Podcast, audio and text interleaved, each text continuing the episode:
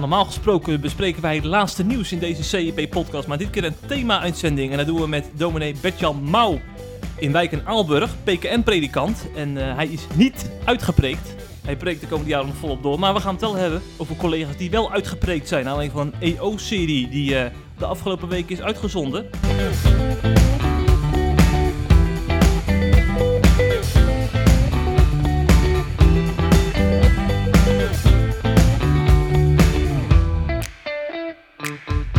Bert-Jan Mouw, welkom in de podcast. Dank, dank. Uh, ja, want praat onze lezers eens even bij. Jij, jouw oog viel op een uh, bijzonder bericht een maandje geleden hè, in de media.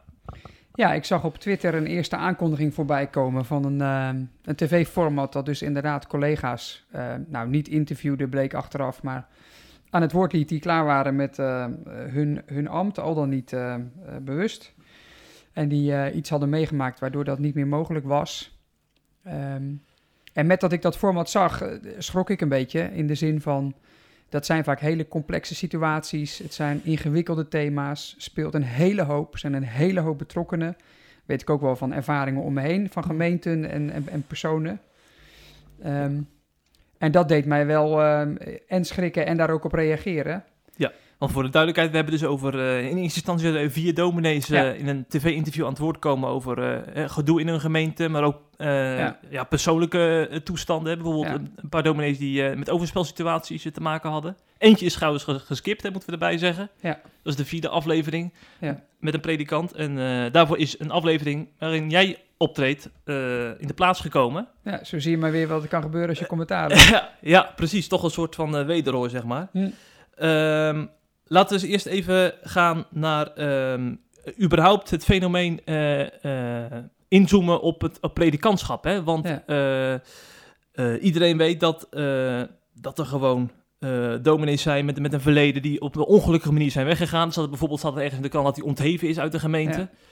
Uh, dat roept natuurlijk bij media wel vragen op. En, dat, ja. en uh, uh, het kan dan ook wel helder zijn om ook die kant van het verhaal te belichten. Is dat überhaupt, om even algemeen te beginnen, goed om, da, om dat als een soort nieuwsvoorziening te brengen? Ik denk dat het niet verkeerd is om daar helder over te communiceren. Ja. Alleen dat de, de vraag naar vorm en format en, en de manier waarop je dat dan doet, dat dat wel één is waar je heel goed over na moet denken omdat het een te complex onderwerp is om een punt mee te maken. Mm -hmm. ja. Uh, en je schiet heel vaak in de, in de rol van of iets verdedigen of een situatie uitleggen of um, een bepaald belang. Maar ja, dan moeten ook wel de stemmen klinken die daarin meedoen. Ja, want voor de helderheid, we hebben natuurlijk hier over één op één gesprekken met predikant ja. en interviewer. En uh, er zijn natuurlijk verhalen die wel misschien wel vijf of zes kanten van vijf of zes kanten belicht kunnen worden. Tenminste. Ja, dan heb je, ja, dat is inderdaad dat is nog een, uh, statement. Ja. Uh, da daar, zit, daar zit jouw zorg aan de voorkant, zeg maar, van uh, dat je maar één ja. kant zou horen. Nou, mijn zorg zat dus ook helemaal niet op de personen zelf nee. of die vier casussen. Ik bedoel, ik ben maar een buitenstaander, ik ben predikant en ik ben verder niet betrokken bij een bepaalde toezicht of zo. Dus het gaat mij helemaal niet om de vier, uh, het ging mij toen ook helemaal niet om de vier mensen om wie het ging. Het ging mij puur om de vorm en de manier waarop en de zorg dat uh, bepaalde punten misschien wel gemaakt zouden kunnen worden, maar dat de nevenschade, als je het zo wil zeggen, um, ja, te groot zou zijn met mensen die ook betrokken zijn, maar niet uh, aan het woord komen. En met het beeld dat ontstaat, helemaal als je dat op landelijke tv gaat uitzenden, ja, dan, dan doet dat iets wat je niet zomaar in de hand hebt, ja. denk ik. Ja, ja, ja. Dat was mijn grootste zorg. Dus niet zozeer de casussen zelf. Ook niet dat ik geen vertrouwen zou hebben in de EO of iets van die aard, want ik geloof heus wel dat ze daar oprecht mee omgingen, ook toen. Alleen de vorm, het format, dat, hm. dat, daar zag ik meer leeuwen en beren dan zegeningen. Ja, je hebt op Twitter heb je daarover ja. ook je zorgen geuit. En uh, ik dacht nog, uh, heb je nog overwogen om met die tweet uh, even een maandje te wachten en eens die uitzendingen te bekijken? Of? Nee, omdat het mij niet zozeer ging om, hmm. om de verhalen, ja. maar om het format. Ja. En het format was helder. Um, in die zin dat, dat um, natuurlijk, je weet niet van tevoren hoe dat precies uitwerkt. Um, en ik had op zich ook kunnen wachten. Alleen mijn hoop was wel dat er nog ergens besef zou zijn ook binnen de EO of degene die het maakte, van hé hey, ja, oké, okay, als het zoveel oplevert, dan zegt dat iets. Ja, ja, ja. Um, dat is denk ik ook gebleken, want ik vind het, nou, die vierde aflevering werd, werd daarna ook pas weggehaald. Dus Ja, was, dat was de vierde aflevering, er kwam een predikant aan bod, Ja. eh, aan, zou aan bod komen die dan wel best wel vers is opgestapt en eh, niet zo lang geleden best wel eh, privé, Ja. privé een hoop gedoe heeft gehad met een Ja. gemeentelid. Ja, waar dingen ook nog gewoon complex waren en zijn. ja. Ehm, dat was ook de casus die ik zelf het beste kende. Ehm, eh, dus nou, dat had ik vooral in mijn hoofd. Ja, dat ze die niet hebben uitgezonden, puur vanaf de buitenkant. Ik heb natuurlijk die aflevering niet gezien, want die is niet uitgezonden. Maar eh, vind ik dat heel verstandig. Ja, ja. Ehm, maar omdat mijn zorg zat bij het format en niet bij de verhalen, Mhm. heb ik die zorg van tevoren geuit. Ja, helder. En de EO heeft ook via Twitter vervolgens nog gereageerd, hè? Eh, want ze komt natuurlijk niet om die kritiek heen. En Nee. zij wezen op het op gang brengen van een gesprek over de plek van genade en vergeving voor predikanten die een misstap zijn begaan. Wat vind je dan van zo'n eh, reactie van de EO? Nou, ik snap hem en ik, ik, ik vind het ook in die zin terecht dat ik ook gewoon, ehm, ook na ze gezien te hebben, eh, ook wel begrijp wat ze bedoelen. En ook het- het- niet elke aflevering is een probleem geworden, denk ik. En, en heeft ook goede punten meegebracht, dus ik snap dat. Alleen, dat, in die laatste uitzending ehm, benoemen we dat ook.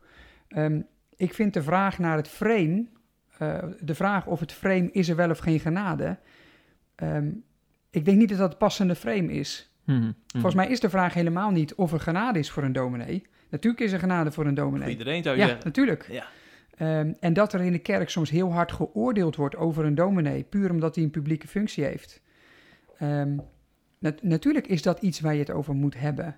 Alleen, de vraag wat mij betreft rondom deze serie was, eh, is de vorm van één stem aan het woord laten de goede om dat gesprek te voeren? Mhm. En ik begrijp het, het punt wel. En ik denk dat dat in een aantal afleveringen ook echt wel is gebeurd. Alleen, ehm, voor mij was de vraag dus niet wel of geen genade. Voor mij was de vraag, hoe, hoe voer je dat gesprek dan op zijn best? Ja, ja. Zodat je niet mensen erbij betrekt, ja, bij wie dat nu even helemaal niet verstandig is. Hmm, helder. Zeg, laten we naar die uitzendingen gaan. Ja. Want eh, er, waren, er waren dus drie interviews. In de eerste kwam eh, Peter van der Laan aan bod. Hij werd uit zijn ambt gezet nadat hij een buitenechtelijke relatie kreeg. Ik Ja. vond het trouwens een van de mooiste interviews. Zeker. Want daarin eh, kwam natuurlijk ook het herstel aan bod. Hè? Want Ja. eh, zijn vrouw is uiteindelijk bij hem gebleven. Die heeft ge- gezegd van we horen bij elkaar. Er is een herstelproces in gang gezet. Ja. Nou, natuurlijk eh, na heel veel stenen wegruimen uiteraard. En da- daar zag je over genade en vergeving gesproken. Dat kwam toen in die eerste aflevering heel goed aan de orde, hè? Is het ook jouw eh, oordeel? Zeker, ik denk dat die... Kijk, het is natuurlijk... Ik, ik heb ook helemaal niet de behoefte om, om nou over hen allemaal wat te zeggen. Maar als ik puur naar de afleveringen kijk, dan, dan is die aflevering met Peter een prachtige aflevering geweest. ja. Waar denk ik ook heel weinig mensen met kromme tenen naar hebben hoeven kijken. Hmm. Eh, ik denk dat de, de houding die hij koos, dat was zo oprecht en zo eerlijk en zo integer voor je gevoel.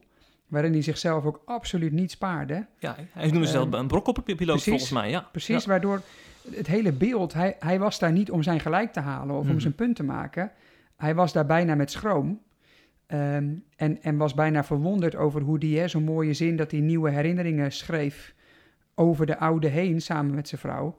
Ja, dan snap ik heel goed wat de makers hebben bedoeld. Ja. Dat was een prachtig voorbeeld van hoe het kan zijn.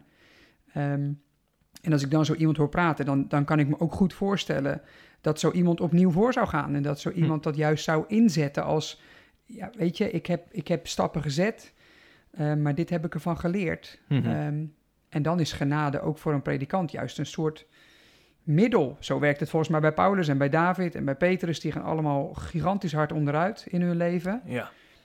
En juist daardoorheen in de verwondering van... Tjoh, dat God iemand als mij gebruiken kan. Hm. Daar gaan dingen open. Ja, ja, ja. Nou, dan, in die eerste aflevering eh, spatte dat eraf, wat mij betreft. Ja. In die zin is het dus eigenlijk, jammer dat zo iemand uitgepreekt is. Want zo'n spreek Ja. maakt misschien alleen maar sterker als hij ook die worstelingen kan delen in een eh, verhaal over eh, David, en eh, bij wijze van spreken over de psalmen of zo. Ik denk het wel. Zo, Ja. zo zoals hij dat nu deed, ehm, is dat juist een stukje verkondiging op zich Ja. van genade. Ja, ja. Dus, dus ja, dat, dan, dan snap ik heel goed dat, dat je in zo'n casus... Ook al hebben wij dus nu niet alle stemmen gehoord, hè, Nee. dat blijft lastig. Want Hmm. eh, er is ook iemand eh, die aan de andere kant van het overspel zat. Er is een gemeente die hun eigen stem heeft. Hmm. Maar de- met de houding die hij koos, ging hij daar heel behoedzaam mee om. Ja, ja, ja. En dan valt er ook ruimte, dan is er ook ruimte om, om te doen. Eh, wat zeg je dan tegen de mensen die na zo'n uitzending zeggen van... dan is die kerkenraad, eh, als ze hem nou niet zouden accepteren, toch wel heel genadeloos. Want dat beeld blijft wel een beetje hangen, hè? Van dat er in de kerk dan toch geen ruimte Ja. voor zo'n man is. Nou, dat is, dat is gewoon het ingewikkelde van dat format. Mhm. Dat het beeld dus heel gauw ontstaat van of een kerkraad, of een predikant, of een gemeente, of zijn familie. ehm, dat het allemaal heel genadeloos is. Terwijl er gewoon te veel dingen spelen die wij niet weten, Ja. die, die daarin meedoen. En dat vind ik wel ook bij zo'n aflevering, zo'n eerste aflevering, wel een vraag. Ja, eh, hoe, hoe zit de kijker thuis? eh, hoe blijft hij achter? En is dat terecht? Ja, dat weet je dus niet. Hm, hm. En, en ik, in die eerste aflevering ben ik daar helemaal niet zo bang voor. Eh, maar het speelt wel mee. Kijk, als zoiets gebeurt, dan moet je heel zorgvuldig zijn. En de een noemt dat genadeloos en de ander noemt het verantwoordelijkheid nemen. Hm. Ja, wie heeft er nou gelijk? Ja, ja, ja. Zeg het maar. Dus je hebt toch meerdere mensen moeten horen om dat te bepalen. En dat hangt van de context af, Ja. maar dat kunnen wij als kijkers, dat is ook helemaal niet aan ons. Mhm. Dat hoeven wij ook helemaal niet te bepalen. Wij zijn helemaal geen speler in het hele spel. Ja, ja, Nou ja. ja, dat punt. In die tweede aflevering eh, was weer een ander type verhaal. Daar, kwam- daar kwam Ernst Ouwejan eh, aan bod. Eh, hij was actief in de gereformeerde kerken vrijgemaakt. En hij liep vast eh, in de geloofsleren. Eh, wie de vrijgemaakte kennen, die weten dat eh, van oudsher is het nogal een stevige zeil geweest. Hè, van Ja. eigen scholen, een eigen leer en een, een rechtstreekse lijn van Adam via Christus naar de vrijgemaakte, Ja. hè, zei die dominee zelf. Ja. En op een gegeven moment liep hij daarin vast. Ehm, eh, dat was een heel eerlijk verhaal, vond ik. Ja. Ging ook heel veel over zijn eigen beleving. Wat, hoe, wat was er bij jou overeind gebleven na aanleiding van het interview? Welke gedachten? Ja, ik vond het knap, eh, ook van de makers, dat dat echt een heel andere eh, aanvliegroute was. Ja. Dus het, het was een heel andere aflevering dan de eerste. Met ook weer een hele andere thematiek, die wel heel erg het predikantschap raakt. Dus dat vond ik knap gedaan. Ik vond ook eh Ernst Jan ontzettend integer. Een heel, eh, ehm, ook hij was in de houding die hij koos heel erg behoedzaam. En hij heeft een paar keer gezegd van het gaat mij niet om mezelf te verdedigen of om de gemeente iets te verwijten. Het, het is gewoon zoals het is. Ehm, en wij groeiden uit elkaar en ik kon niet meer functioneren in, in dat hele systeem. Nou, dat is zijn goed recht en, en dat hij daarover vertelt. Ehm, nou, dat was heel kwetsbaar en eerlijk. En eh, ook bij hem zat er niks in van, ehm, ik, ik wil nu eventjes wel even mijn gelijk halen of zo. Hij worstelde met de kerk op zich. Ja, ja. Dus dus op, op dat vlak was dat een, een, een, een goede aflevering, denk ik. In de zin van, ehm, het legt iets op tafel wat heel veel predikanten wel ervaren. Namelijk, Hm. wat is vrijheid? Waar hou je je wel aan? Waar niet? Hm. Ehm, helemaal als je met mensen in gesprek bent die die vrijheid leven. Hè. Bijvoorbeeld, hij had het over zo'n stel dat dan al samenwoonde Oh ja. en dan Ja, uit elkaar moest. Ja, dat, dat is in een kerkraadstafel soms heel eenvoudig. Maar aan de koffietafel bij die mensen thuis iets anders. Mhm. En als predikant zit je daar middenin. Dus dat vond ik het sterke van die aflevering. Dat dat wel dat dilemma ontzettend op tafel legde. En dat is razend actueel. Mhm. Ja, ja, ja. En als hij dan bijvoorbeeld even iets anders wilde doen, hè, zoals eh, eh, bij wijze van spreken gewoon even eh, voor de kansel een preek houden in plaats van op de kansel, Ja. omdat je dan dichter bij de mensen komt, dat er dan geen ruimte voor is. Ja. Is dat dan echt iets van, van zijn tijd geweest? Want ik vraag me toch af, die ruimte moet het, is het toch wel in, in, een, in een kerk, als je, als je een liturgie even iets anders wil inrichten? Is dat representatief hoe die dat allemaal vertelt? Eh, dat ligt er maar net aan in welk deel van de Ja, kerk je je, be- je bevindt. Ja. Ehm, maar de, de algemene lijn dat mensen van veranderingen ook zenuwachtig worden... ehm, dat herken ik zelf ook wel. Dat je, Ja. ehm, je niet zomaar van de een op het andere moment iets anders doet. Eh, ja, dat is niet de meest verstandige lijn van doen, omdat mensen dat dingen gewend zijn. Dat is soms ook gewoon sociologie, hè, dat je gewoon ergens Ja. aan gewend bent. Zeker. En als dat dan ineens anders moet. ehm, dus, maar dat spanningsveld tussen verandering en, en behouden van wat er is, ja, dat is natuurlijk een heel actueel spanningsveld. Ja, ja. Helemaal over ethische dilemma's, over relaties, over hoe leef je. Ja, dat is het gesprek van de dag bijna in de kerk van nu. Mhm, Ja. En dan vertelt dus op een gegeven moment dat hij eh, eh, psycholoog is geworden. Hè? Dat hij eh, Ja, echt mooie één-op-één gesprekken kan, kan, voeren, kan voeren nu. En daardoor veel dichter bij mensen kan komen. Dan denk ik van, ben je dan gewoon niet het verkeerde beroep ingestapt? Hè? Want daar is je blijkbaar een vis in het water. En dat was hij als predikant niet. Nou, ik denk dat, dat het lastig in zijn geval wel was dat wij met elkaar een gesprek moeten voeren over wat is nou vrijheid en hoe kom je als mens nou tot je diepste bestemming. Ja, ja. En het voordeel van psychologie is denk ik dat er eh, niet zoiets als een norm is. Dus je je helpt mensen, je reikt hen dingen aan vanuit wat je hebt bestudeerd. Maar als iemand dat naast zich neerlegt, ja, dan als het die, aan diegene helpt, is het ook goed. De spanning in die aflevering was, en dat vind ik wel een gespreksthema, eh, voor gewoon de kerk van nu. Hij, hij- op een gegeven moment benoemde hij dat zodra er het normatief wordt, ben je de verbinding kwijt. Mhm. Dus zodra er meer is dan ik reik je iets aan en kijk of je het kunt gebruiken. Maar als het wordt van ja, maar dit is de goede weg. Ja. Ben je dan per direct de verbinding kwijt? Ehm, ja, of heeft dat te maken met dat vrij zijn iets anders is dan kunnen doen wat je het Ja, liefst hè? zou willen? Ja. Ja, dat vind ik wel echt een heel spannend thema. Hm. Dus in die aflevering kwam de kerk er wel echt heel strak af. Heel rigide en heel... ja, die bewegen helemaal niet mee. Ja, misschien moet een kerk soms ook helemaal niet meebewegen. Omdat ik niet altijd gelukkig word van doen wat ik wil. Hm. Hm. Maar soms ook wordt geroepen om het te, te, te onderwerpen aan iets boven mij. Ja, ja. Ja, dat zijn spannende thema's in de tijd van nu. Ja. Helemaal als dat gaat over relaties, over hoe ik mijn leven inricht. Ja, pik ik het dan nog dat, een, dat ik iets niet doe omdat een ander zegt dat dat niet goed is? Mhm. En is dat per definitie dus ook fout en strak en eh, star? Ja, wij zeggen in de kerk ook dingen die we niet doen. Als het gaat over relaties en over hoe je het leven leeft. Ja, ja. Is dat dan niet vrij? Nou ja, dat is spannend. gaat volgens mij ook vaak om, om de manier waarop, hè? Want eh, eh, ik denk dat op tegen de stroom ingaan, eh, dat ik dat zelf ook heel erg fijn vind, omdat ik weet dat eh, Gods koninkrijk niet van deze wereld is. Ja, Maar als het dan op een bepaalde manier wordt opgelegd en eh, je heel erg hè, het, het idee dat je een soort van geen adem meer kan halen in een gemeenschap, omdat het, omdat het echt opgelegd wordt. Ja, dat, is- dat, is, dat is vooral de manier waarop, lijkt mij, in plaats van... ja. Nou ja, en misschien dat wij, dat wij dus ook moeten kunnen uitleggen waarom bepaalde dingen dan goed zijn. Ja. En dat we, en ik denk wel dat in die zin Ernst Jan zijn, zijn, tijd vooruit was. Dat dat gesprek nu ook in de vrijgemaakte kerk mm, veel meer wordt gevoerd. En in de PKN, waar ik zelf predikant ben, al veel meer aan de orde was, omdat die gewoon veel breder is. ja, ja, ja. Dus het gesprek naar wat is ruimte en vrijheid en hoe verhouden regels en vrijheid zich tot elkaar, ja, dat wordt al lang gevoerd. Nou, wat dat betreft zou eh, hij eh, in de GKV van nu veel meer zijn plek vinden Ja. dan in de GKV van 30 jaar geleden. Hè? Dat denk ik wel. Ik zat ook al kijkend te denken van, joh, eh, probeer het nog eens een keer. Ja. Ehm, want, want dat gesprek is juist wel een gesprek wat we moeten voeren. Mhm. Ja, Wat is vrijheid en, en hoe verhoudt dan een kerkelijk systeem zich Ja. daartoe? Zeg, dan komen we bij die laatste aflevering van Uitgepreekt. Dat, die, die vond ik het spannend zelf, met Gerard Rinsma. Ja. Ehm, hij eh, had een conflict met de kerkenraad. Eh, volgens mij was het trouwens niet zijn eerste conflict die, die, eh, waar hij het over had. Hij had nog eerder ergens anders een conflict.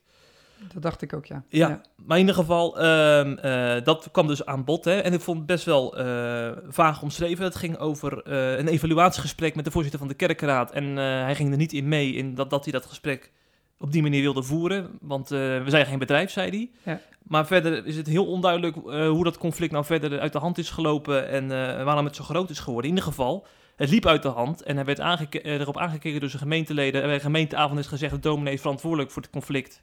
Ja. En hij is uiteindelijk eh, eh, eh, weggegaan.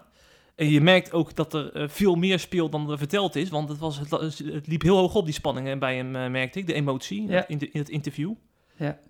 Wat, wat, wat bleef er bij jou vooral hangen na dat gesprek? Nou, dat gevoel wat jij beschrijft, een soort verwarring. Van, ehm, eh, je voelt op je klompen aan dat er meer is dan op tafel ligt. Dat kan, het kan nooit zo zijn dat zoiets kleins zoiets groots wordt. Dus er is veel meer gebeurd.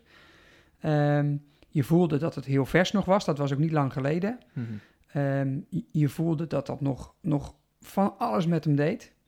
Ik vond het gesprek ook heel warrig. Het ging van de ene naar de andere kant. En ehm, nou ja, dat, dat was voor mij wel een aflevering waarvan ik dacht... dit was nou iets wat je, wat je het liefst had voorkomen, denk ik. Ja, ja. Waar, waar het format gewoon voor, voor deze casus, denk ik, niet werkt. ja. Het zit hem in het feit dat er dus een, een, een verhaal wordt belicht dat nu maar van één kant wordt eh, aangevlogen. Ja, dat voelde je nu aan alle kanten. Ja, want, ja. eh, en, en, en halve in de, in, in de loop van de aflevering werd de kerkenraad werd de vijand van Psalm 42. Ja, En nou, je zult de voorzitter maar zijn en zitten kijken. En, en met gewoon alle goede bedoelingen die een kerkenraad heeft eh ge, geageerd of geacteerd hebben.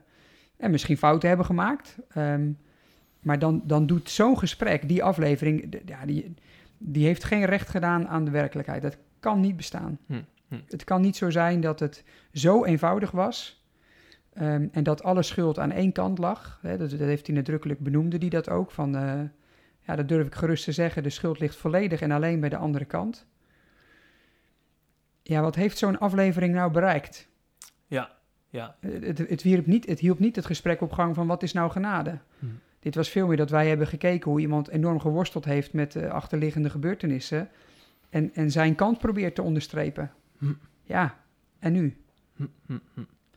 Hoe, Ehm, hoe pak je dat? Hoe, maar hoe kun je dat wel goed aanpakken? Hè? Want eh, je weet, als een interviewer eh, met zo iemand in aanraking komt, een journalist, dan is dat gewoon een verhaal. Ja.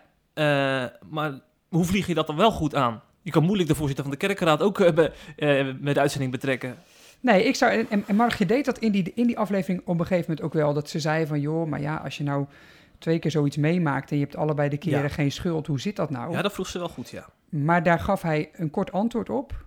En daar stopte dat gesprek ook. Ja, ja. ik denk als je het over genade hebt, moet je het ook hebben over berouw. En moet je het ook hebben over ehm, wat was mijn aandeel. En als je, als je dat niet ziet, of je houdt vol dat dat volledig.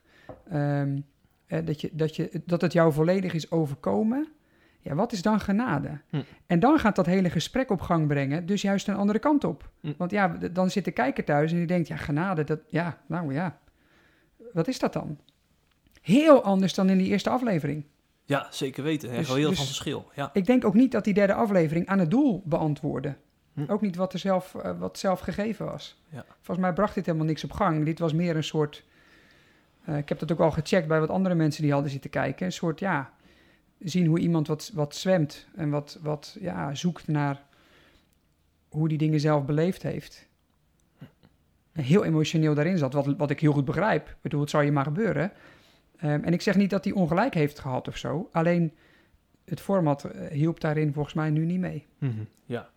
Het gevaar is natuurlijk niet dat er ook wonden zijn opengehaald in die gemeenschap waar die toen actief was. Door die mij. uitzending. Hè? Ja. Het- Ik zou niet graag gekeken hebben als ik daarbij betrokken was. Hm. En, en, en we weten helemaal niet wie er nou gelijk heeft, want dat blijft juist in het midden hangen. Dus ja, dan, dan, dan zet ik hem uit en denk ik, ja, oké. En nu? Ja, ja. Maar dan toch eventjes... eh, eh, st- eh, stel, ik, ik zou nou zo'n interview doen met zo iemand. Eh, het is natuurlijk wel interessant, want het predikantschap... eh, dat is natuurlijk niet alleen maar roze geur en maneschijn. Jij weet er alles van. Ja, Uh, Daar gebeuren ook... eh, in, te- i- in een kerkelijke gemeenschap heb je te gewoon te maken met... ook gewoon met spanningen. En soms loopt het dan zo uit de hand als in zijn kerk. En dat is ook wel eens goed om dat naar de buitenwereld te verwoorden. Hè? Van het, eh, we zijn wel kerk, maar het gaat hier ook soms behoorlijk mis. ja, Dus dat op zich is natuurlijk dan misschien wel eens een keer goed om dat eens te weten als kijker. zeker. En in die zin vind ik, eh, eh, eh, hebben die aflevering ook gedaan wat ze hadden moeten doen. ehm, omdat dat gesprek op gang gebracht is en wordt. En dat je met elkaar aandacht hebt over hoe zit dat met zo'n publiek figuur. En, Ja. ehm, en, en zijn de kerkelijke systemen wel eerlijk? Nee, ik, ik weet ook wel, ook van anderen, dat dat lang niet altijd eerlijk is. Ehm, alleen, ja, dan moet je daar een gesprek over voeren.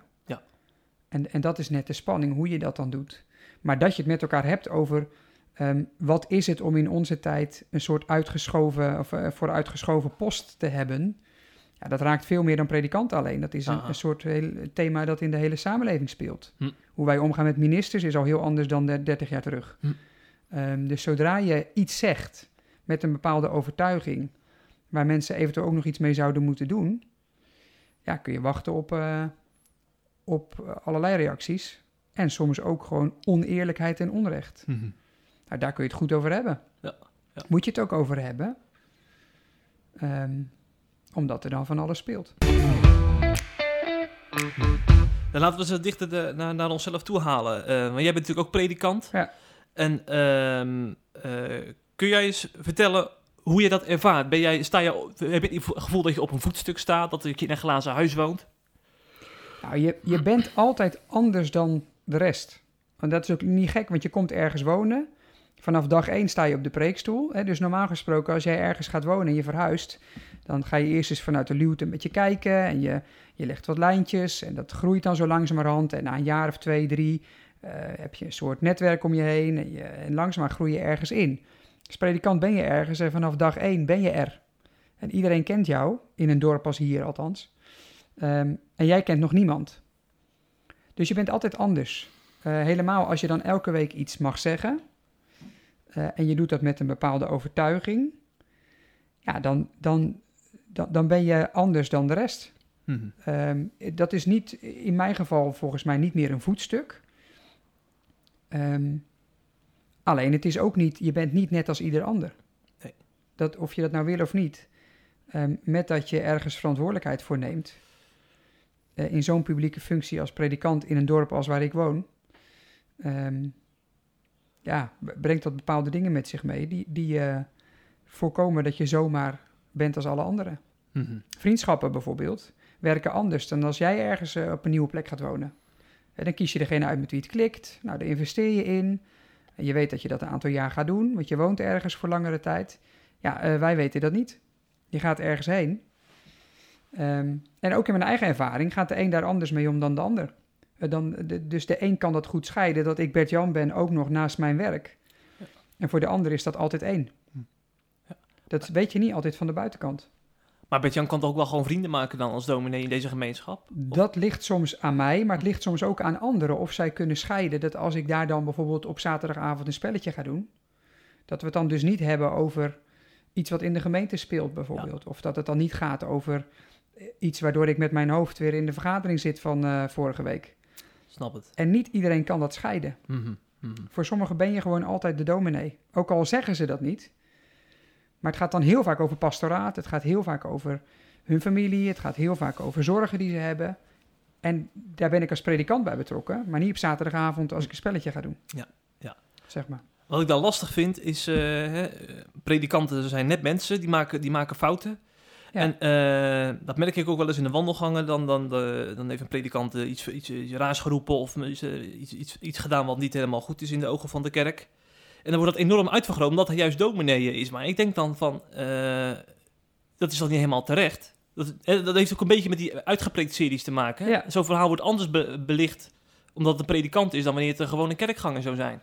Ja, maar dat is ergens ook niet gek, omdat ja, de rijkwijde van je woorden en je daden is, is, gaat verder en is groter dan, um, dan anderen, omdat je ook elke week weer de ruimte daarvoor krijgt. Dus um, je hebt een meer publieke functie in ieder geval in een dorp. In de stad ligt dat nog weer ietsje anders, denk ik. Uh, daar kennen verreweg de meeste mensen kennen jou helemaal niet. Het dorp waar ik woon kent iedereen mij bijna. Ook als ik hen niet ken. Dat ik soms mensen spreek die ik helemaal niet ken, die dan toch weten dat ik de dominee ben van hier. Ja, ja, ja. Um, dus als ik uh, iets doe of zeg wat um, nou niet positief is, dan gaat dat ook rond. En dan is dat ook. Uh, en mensen koppelen dat toch heel gauw aan, aan God, aan de kerk. Dus een van de dingen waar je als predikant in mijn setting in ieder geval mee moet leren omgaan, is dat jouw leven en hoe mensen hun leven met God ervaren, dat dat niet los staat. Hm. En dat is ingewikkeld, maar kan niet anders. Ja. Je kunt het ook juist inzetten um, met wie je bent. En, en, maar je, je kunt niet zomaar de persoon van de predikant uit iets weghalen en het losknippen. In ieder geval niet in zo'n setting als hier. Hm. Dus ja, is het gek dat als ik iets zeg of als ik iets, iets echt goed fout doe, dat dat meer losmaakt dan. Nee, volgens mij niet. Dat, dat, dat hangt samen met uh, de plek die je hebt. Dat, geldt in, dat geldt in een bedrijf ook en in de samenleving ook. Op het moment dat een burgemeester iets doet, um, weegt dat veel zwaarder dan als de buurman iets zegt. Ja, dat is helder, omdat je, je hebt een andere, een andere plek. Mm Ja. In die zin is ook niet iedereen uh, gemaakt voor de predikantschap. Want als. Uh, ik wil gewoon bijvoorbeeld helemaal geen rekening houden met ongeschreven regels. Zo ben ik. Maar dat kan als predikant dan niet. Nou, je merkt in die laatste aflevering dat dat spannend kan worden. Hè? Op het moment dat je dingen echt anders doet, op een andere manier. Um, en, en, en de kerkraad wordt een tegenover bijvoorbeeld. Ja, dan wordt het heel spannend. Ja. Um, je moet denk ik als predikant wel ergens een soort fijngevoeligheid ontwikkelen om te weten wat je wanneer moet zeggen en doen. En soms ook niet. En daar maak je fouten zat in, ik ook. Um, maar uiteindelijk ben ik hier maar voorbijganger. De kerkraad gaat over de gemeente, niet ik. Hm. Dus ik zeg wat, ik heb een mening en, ik, en um, ik heb elke zondag de ruimte om iets te zeggen. Met meer dan alleen maar dat is mijn mening. Maar hoe wij de kerkdienst samenstellen en, en hoe wij kerk zijn in het dorp, dat is de verantwoordelijkheid van de kerkraad. -hmm. En daar ben ik een stem in, maar ik ga ook weer een keer weg ja, ja. Dus, dus je moet je dan ook kunnen schikken. Er gebeuren ook in Aalburg dingen die ik niet persoonlijk zou doen, maar die in het geheel beter zijn. Nou, dan gebeuren die. Uh, omdat de kerkraad beslist en niet ik. Ja. Lijkt me ook heel gezond. Zeg, over die domineescultuur, kun je mij eens even bijpraten? Want ik, ik spreek wel eens mensen die niet helemaal begrijpen, hè? Want uh, als dominee ben je, na vier of vijf jaar ben je beroepbaar, hè? Dus dat, je staat nu ja. bij Aalburg, sta je nu drieënhalf jaar. Ja. Dus over een jaar of zo ben je beroepbaar, dan kun je naar een andere gemeente gaan als je dat beroep aanneemt. Ja. En uh, uh, wat de meerwaarde van zo'n systeem is. Want ik, ik, spreek ook heel veel mensen die zeggen van... Hé, waarom uh, is er niet iemand in die kerkenraad in Wijk en Aalburg... die zelf gewoon gaat preken en de rest van zijn leven daar blijft wonen? Bij wijze van... ja. Wat is de meerwaarde van zo'n, van zo'n systeem? Nou, dat is een goede vraag. En dat, dat verschilt ook over de wereld heen. Hè? Dus die vier jaar, die komt niet uit de Bijbel. Die hebben we ergens in de kerkorde een plek gekregen. Um, en is in andere landen ook weer anders dan hier. Uh, in Amerika is het vaak veel gebruikelijker dat je langer ergens bent, bijvoorbeeld. Um, maar de vraag wat voor een gemeente een goede tijd is om als voorganger te zijn, dat is nog niet zo makkelijk. Um, heeft ook te maken met de tijd en um, de context van de gemeente. Ik heb bijvoorbeeld juist hier aangegeven, wij gaan aan een soort uh, focus traject heet dat van de IZB, een soort traject waar je na gaat denken over wie we als gemeente zijn, juist ook naar buiten toe. Uh, daar gaan we komende zomer mee beginnen. Dat duurt 2,5 jaar. Dus ik heb aangegeven, ik ga in die 2,5 jaar niet weg. Omdat ik wil uh, dat je aan dingen kunt bouwen, dat er continuïteit is, ook met de prediking. Maar ja, dat is wel een keuze die je maakt. Waarbij het systeem bijna zegt van, uh, met vier jaar moet je openstaan voor alles. Er zijn ook wel collega's die dat vinden, dat je eh, je altijd beroepbaar moet stellen en dat je daar niet een keuze in hebt. Hm. Nou, ik zie dat meer als een soort menselijk systeem waar je ook van af kunt wijken als dat in de, in de context goed is. Het voordeel van ergens weer weggaan en weer opnieuw beginnen is dat je ook, um, als je van buiten ergens komt, vallen je andere dingen op dan als je ergens geboren bent. Ja, dat is waar. En ik kan dingen zeggen, ook als ik weet dat ze niet goed vallen, want ik ga hier niet de rest van mijn leven wonen. Dus je moet ook altijd een soort afstand houden. Wil je ook de dingen kunnen blijven zeggen waarvan je weet, ja, dit gaat niet altijd goed vallen. Als, ik, als je in je eigen dorp iets gaat zeggen,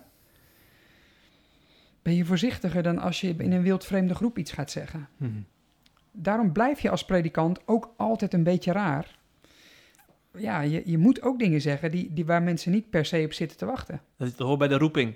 Dat, in het, precies, dat, ja. dat woord is voor mij van groot belang. Ja. En ik zou die roeping verkwanselen op het moment dat ik puur probeer om voor mezelf gewoon een fijne leefomgeving te creëren. Mm-hmm dan, dan kan ik mezelf heel goed pleasen. Maar of ik daarmee roeping voldoe, dat weet ik niet altijd. Nee, nee. Ja. Zeg, een van die dominees die bij uitgepreekt aan bod kwam, die, die stond al tien jaar volgens mij in Roermond of ergens in Limburg. Tien jaar is dan opeens weer een hele lange tijd als je dit zo vertelt. Uh. Ja, dat, is dus, dat kan je van de buitenkant volgens mij gewoon niet zeggen. Mm, want als mm. het goed gaat, is tien jaar helemaal niet zo lang. Als het lastig is, is tien jaar heel lang. Um, de tijd van nu is gewoon eentje met een korte spanningsboog. Dus, dus mensen zijn ook gewoon gauw uitgekeken op een spreker. En je kunt op internet allerlei andere opzoeken. Nou. Um, dus dat is ook ingewikkeld. De vraag is of je daar altijd mee moet, uh, of je daar mee, mee, moet gaan, omdat juist om dingen op te bouwen en groeiprocessen en veranderingstrajecten, dat zijn vaak lange ademtrajecten. Dus als jij vier jaar ergens bent, kom je niet toe aan fundamentele veranderingen. Dat gaat gewoon niet. Want je hebt eerst twee jaar nodig om een beetje te landen. Als je dan iets in gang zet en je bent na twee jaar weer weg. Kijk, een knop omzetten is niet zo ingewikkeld. Maar mensen begeleiden in verandering, dat is iets heel anders. Dus het hangt ook te heeft ook te maken met de rol die je hebt. In de ene gemeente is iets anders nodig dan in de andere. Ja, ja, ja. Dus ik zou, niet, ik zou het liefst hebben dat we gewoon aanvaarden dat dat gewoon voor elke predikant en elke gemeente verschillend kan werken. En dat je elkaar na vier jaar de vraag stelt van waar zitten we, op welk spoor zitten we, snap ik. Maar ik vind het ook wel weer lastig dat er een soort cultuur is gevormd waarbij je bij 3,5 jaar al moet gaan nadenken, oh ja, ga ik hier dan weg of niet? Ja, waarom moet ik daarover nadenken? Hmm. Zeg maar, hè? Ja, ja, ja. Ja, we hebben het duidelijk over uh, de voor's en tegens van het predikantschap. En uh, dat doet mij denken aan Sores en Zegen. Ja. Dat is het boek van uh, dominee Piet de Jong. Die uh, is jarenlang is die dominee in Rotterdam geweest. Volgens mij is hij nu met emeritaat, maar zo, ziet, uh, zo komt hij niet helemaal over. Hij is overal in de weer, hè. maar ja. ik heb hem een tijdje geleden geïnterviewd. En in dat interview zei hij... benoemde hij dus dat je als dominee altijd beschikbaar moet zijn... 24 uur, 24 uur per dag, bij wijze van spreken. van een vijf dagen baan is geen sprake. Dat altijd beschikbaar zijn is echt een kwestie van leren. Natuurlijk moet je grenzen stellen. In mijn ogen is het goed niet goed om langer dan 60 uur per week te werken. En dan denk ik van, is dat dan gebruikelijk dat je als dominee wel eens 60 uur maakt? Dat vind ik wel echt bizar. Ik denk niet dat het gek is. Ehm, in mijn geval, ik heb altijd woensdag vrij. Die dag is zeg maar uh, leeg. Uh, in ieder geval wat kerkenwerk betreft. Alle andere dagen niet. Dat vult zich wel aardig op. Um, de avonden ben je natuurlijk gewoon vaak onderweg. Zaterdag ben je toch ook altijd nog wel weer bezig met de dienst van zondag. Um, ook al is hij uh, bijna af, je bent toch in je hoofd er altijd mee bezig. En soms ook gewoon heel fysiek, dat je nog even je studeerkamer ingaat. Zondag ben je, uh, in mijn geval, ik ga vaak twee keer voor. Dus je bent ja. uh, toch altijd bezig. Woensdag is voor mij zo'n dag dat ik niks hoef. Um, en dat werkt voor mij goed, dat ik één dag een soort van ook echt niks hoef. Mm -hmm. Dat geeft mij rust in mijn... Ik merk gewoon, al, al hoef ik maar één telefoontje op zo'n dag... dan is die hele uh -huh. rust in je hoofd al weg. Dus ik heb dat nodig. Maar dat je de rest van de tijd beschikbaar bent... ja, dat, dat, ik, ik vind dat niet een probleem. Dat hoort ook wel bij er zijn. Omdat je, je woont op je werk. Dus als ik naar de supermarkt ga... en ik kom iemand tegen uit de kerk... en die schiet mij ergens over aan... Ja, dan ga ik niet zeggen, het is nu zaterdagmiddag 4 uur... Nee. kom uh, maandagmorgen om half negen even terug. Ja. Zo werkt het niet. Je bent herder, hè? Je bent er of je bent er niet. Ja. En dat is ook gelijk de last. Mm -hmm. Waarbij je dus, en ik vind het mooi dat die, eh, Pieter Jong dat zegt, je, je, moet ook gewoon grenzen aangeven. Um, dat doe ik ook. Ik bedoel, um, alleen je moet dus ook wel makkelijk kunnen schakelen tussen werk en niet werk, omdat dat gewoon door elkaar heen loopt. Mm -hmm. Ja, ja. Ik sprak wel eens dominees die, uh, ik weet niet of het van deze tijd is trouwens, maar die, die zijn echt van vakantie teruggekomen vanwege bijvoorbeeld het leiden van de begrafenisdienst. Ja. Is, is, dat, is dat gebruikelijk? Nou, dat doet elke collega op zijn eigen manier. Okay. In de opleiding wordt wel gehamerd om dat niet te doen. Ik heb dat ook nooit gedaan. Ik heb altijd heel helder aangegeven, als ik weg ben, ben ik weg. En, en ja, dat... Maar weet je, ik heb daar geen moeite mee om dat te zeggen. En toch is het altijd lastig. Want er zijn altijd mensen die zijn ziek voor de vakantie. Um, ernstig ziek, waarvan je weet, ja, hoe gaat dat de komende paar weken lopen? En het is gewoon niet een fijn idee dat mensen lijden of sterven en dat jij er niet bent. Dat, dat blijft beroerd. En ik, ik, ik trek die grenzen wel. Dus ik kom niet terug en we regelen vervanging. Maar ja, het voelt ergens altijd wel uh, dubbel. Want je wilt er gewoon zijn als mensen dat nodig hebben. Hm. Dat zit gewoon in je roeping. Dat als er iets is, dat je er bent. Um, omdat dat vaak ook momenten voor het evangelie zijn. Dan kom je vaak dichtbij en is er veel ruimte voor het woord van God. Ja, als je dan afwezig bent, dat voelt ergens dubbel. Maar je moet wel, want anders ga je onderuit. Mm -hmm. Daar zijn de voorbeelden ook uh, legio van. Ja, ja, ja. Zeg, we hebben het over die, uh, die interviews met die uitgepreekte dominees gehad. We hebben het uh, over jouw dominees bestaan gehad. Ehm, als we nou een beetje de balans opmaken, kun, kunnen we dan zeggen ehm, dat, die, dat die drie verhalen die we, die we bespraken, dat die dan niet representatief zijn? Dat denk ik wel. Hm. Ik denk dat het veel vaker goed gaat dan fout. Ja. Um, en, en al die dingen die we nu besproken hebben, ook de, de, de, de ingrijpende kanten daarvan, ja, die doen voor mij niet af aan de waarde. En aan het, ik bedoel, ik doe mijn werk echt met plezier. En ik, het, het voelt voor mij nog altijd als een voorrecht en als iets waar ik me gezegend in voel dat ik het mag doen. Hm. Um, ook al heeft roeping een soort uh, kant die je hele leven raakt. Je doet geen werk als dominee, je bent het, vind ik. Aan alle kanten. Maar je krijgt er ook ontzettend veel voor terug. Uh, dus die drie voorbeelden van hoe het dan misgaat, ja, dat laat iets zien van de spanning. Maar evengoed kun je een uitzending maken met, met drie prachtige verhalen waar je als voorganger dingen meemaakt. En groeit in je geloof, gewoon omdat je erbij staat en er naar kijkt.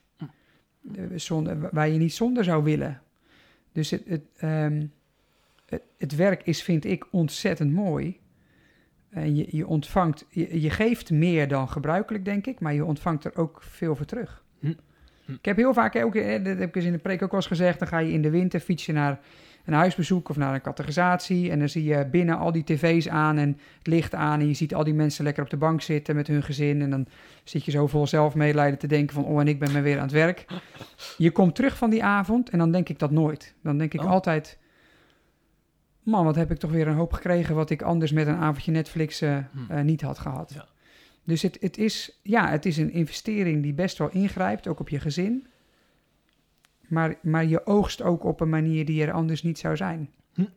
Hm. En die verhalen mogen ook verteld worden. Hè. De, de, de, plek is ook, de kerk is ook een plek waar genade ontzettend fundamenteel is. Ja. En waar je ook als dominee met goede mensen om je heen mag ervaren dat er goed voor je wordt gezorgd. En dat je gezegend mens bent. Ehm, en dat de kerk ook een, een, heel genadige plek kan zijn. Dat, dat, ook in mijn eigen ervaring, dat ik in een vergadering waar ik echt wel tegen mijn grenzen aanliep, de dag daarna iemand van het Moderame, dus een dagelijks bestuur, op, mhm. de, op de stoep stond en zei: Joh, ik kom even bidden. Oh ja, oh ja. ja. Nou, dan heb je weer even genoeg. Dat snap ik, ja. Wie krijgt dat nou? Dat er iemand naar je toe komt en zegt: Joh, nou ja, ja. die kant is er ook. Ja, ja, ja, ja. Nou, wat dat betreft zou het misschien een vervolgserie wel een leuk idee zijn met drie uh, dominees die niet uitgepreekt zijn. Ja. En uh, dit soort verhalen gaan vertellen. Zoiets. Ik denk dat dat minstens ook zoveel kan doen als de, de gevallen die misgingen. Alleen dat is wat minder uh, nou ja. Ja, ja dat, dat is in ons wereldje. Uh, slecht nieuws is dat, dat, is, dat is natuurlijk nieuws. Want anders uh, is het niet, dat, dat lijkt dan van de standaard natuurlijk. Ja. En het raakt ergens aan nieuwsgierigheid. Ja. Maar de kerk is gelukkig breder dan de, de dingen die misgaan. Hmm. Ja, ja, ja. Toch, um, toch bij, bij, bij mij een beetje beeld hangen, hangen van dat predikantschap. Uh, daar moet je toch wel een bijzonder mens voor zijn om, om, om zo'n zo'n bijzondere baan aan te kunnen omdat, omdat het er toch wel, hè, dat blijft bij mij hangen bij, na de interviews ook, er komt zoveel bij kijken en je moet zoveel, met zoveel mensen rekening houden. En uh, uh, dat blijft dan bij mij wel hangen van, dit is wel heel uitzonderlijk dit beroep. Nou, het is, eh, daarom is er ook best een forse opleiding vaak aan vooraf gegaan. Dat is niet alleen maar in de Bijbel lezen en, uh, en de, de, talen leren. Dat is ook gewoon persoonsvorming. En dat is ook um, dat je trajecten gaat met mensen die, die ook iets zeggen over je houding en, en die je leren hoe je met dingen omgaat. Um, dat lijkt me ook heel verstandig. Tegelijkertijd, um, ik denk niet dat je een bijzonder mens hoeft te zijn om predikant te zijn, maar dat je, dat je moet weten dat je ergens voor geroepen bent. En dat er een bijzondere God is die mensen gebruikt. Kijk, hij heeft ons echt niet nodig. God kan het ook prima zonder mij en zonder ons. Alleen hij kiest ervoor om ons in te zetten. Nou, dat is bijzonder genoeg. Maar dat maakt ons niet zozeer bijzonder. Dat is meer gewoon de wonderlijke werking van Gods uh, wegen, denk ik. Dus nee, ik, ik denk niet dat je als predikant een bijzonder mens hoeft te zijn. Of dat je enorm begaafd moet zijn in alles. Of dat je. Uh, nee, ik ben een heel simpel mens en een gewoon mens die dingen goed doet en dingen fout. Die sterke kanten heeft en net zo goed zwakke. En God gebruikt het op de een of andere manier. Um, net zoals hij een ander gebruikt um, langs de weg of in een garage of aan een ziekenhuisbed. Hm. Ik zie daar niet zoveel verschil tussen. Nee, nee. Hm, hm, Elk mens kent een roeping. Als iets in onze traditie helder was, eh, is het dat het. Dat, dat dominees en priesters niet boven leken staan, maar dat het gaat over wie ben jij voor God. Dan is ieder mens geroepen. Ja, ik toevallig nu hier. En jij in wat jij doet. En dus moet je het daarover hebben. Wat is nou roeping en hoe leef je dat? Zeg, wat nemen we nu mee van die uh, tv-serie uitgepreekt? Uh, uh, want het, we blijven voor een deel blijven met vragen achter, maar we kunnen ook wat van leren, neem ik aan, van die verhalen. Zeker, ik vind uiteindelijk het een. een ik denk dat het gesprek op gang gebracht is, gebracht wordt. En dat je met elkaar nadenkt over. Um, hoe kun je als, als iemand die leiding neemt of leiding geeft, jezelf zijn en tegelijkertijd recht doen aan je taak en aan mensen om je heen? Ja, dat is volgens mij een een, een thema dat heel veel mensen raakt. Ehm, en dat genade daarin een soort kernwoord moet zijn in de kerk. En het misschien soms niet is. Dat vind ik de verdienste van deze afleveringen. Mhm. Dat gesprek mag best gevoerd worden. En die vraag mag ook wel echt gesteld worden van... Ja, natuurlijk moet er genade zijn voor iemand die fouten maakt. Ook als dat een dominee is. En dan is de ruimte misschien wel veel groter dan je zou denken. Dus in die zin denk ik dat uh, wat dat betreft de afleveringen geslaagd zijn in hun doel. Omdat dat wel een thema is wat je op tafel mag leggen. Ja, ja, ja. Uh, maar die zorg die je op Twitter deelde voor de serie, die blijft wel staan. Ook voor een volgende keer. De zorg over het format um, blijft staan. Ja. Ook al is het nu, um, het, het, is, het is beter gegaan en mooier geweest dan ik had gedacht. Hm. Dat zeg ik er gerust bij. Ja. Um, dus, dus in die zin uh, denk ik dat het minder scherp was dan het van tevoren leek. Maar de zorg over de vorm en, en of dat de manier is om zo'n complexe materie op zo'n manier te bespreken, nou, dat, daar blijf ik wel bij aarzelen, ja. Ja, ja. Voor de luisteraars die het niet gezien hebben, ze zijn natuurlijk te bekijken op Uitzending Gemist, Ja, zeker. Uitgepreekt. Het is de, te kijken waard. Ik, eh, ik heb, eh, met name van die eerste aflevering heb ik wel echt wel, eh, eh, was ik wel even geraakt. Want Ja. dat was echt wel een bijzondere aflevering. Die Nou, en alle drie hebben wel recht. Alleen Ja. als je het met een bepaald filter kijkt en je beseft dat dit niet het hele verhaal is, maar dat er gewoon iemand aan het woord is, dan, is het, dan zijn ze alle drie op zijn plek. Dat is een disclaimer, zeg maar. Dat is die de je moet disclaimer, onthouden. ja. Ja, Die je er goed bij moet benoemen. ja, ja, zeker. Zo, één ding is zeker, eh Bert-Jan, jij bent voorlopig niet uitgepreekt. Je gaat zondag Nee. weer de kansel op, neem ik aan, hè? Ja, zeker. Zeker. Zeker. ja. En weet je waar de preek over gaat? Jozua 1 over, eh, ik ga een preekserie doen over het Bijbelboek Jozua. Oké. ben ik nu net aan begonnen. Ja. Nou, dat gaat helemaal over deze dingen, want als er iemand voor een immense taak staat, is het Jozua. Ik zal dan ook een ambtsdagen bevestigen, dus het gaat dan ook over beginnen aan werken in de kerk en Gods koninkrijk. En dan hoort Jozua wat je moet weten, als God erbij is, dan kan het. Ja, Nou ja, dan kan er ook meer dan je denkt. mooi dat je hier was eh, bij deze CIP-podcast, Ja. Bert-Jan. Graag gedaan, dank. Bedankt voor je terugblik op eh, de bijzondere EO-serie. En eh, tegen de luisteraars zeg ik, volgende week zijn we er weer met een andere gast. En dan gaan we het laatste nieuws uit Christelijk Nederland weer bespreken. Dus tot dan!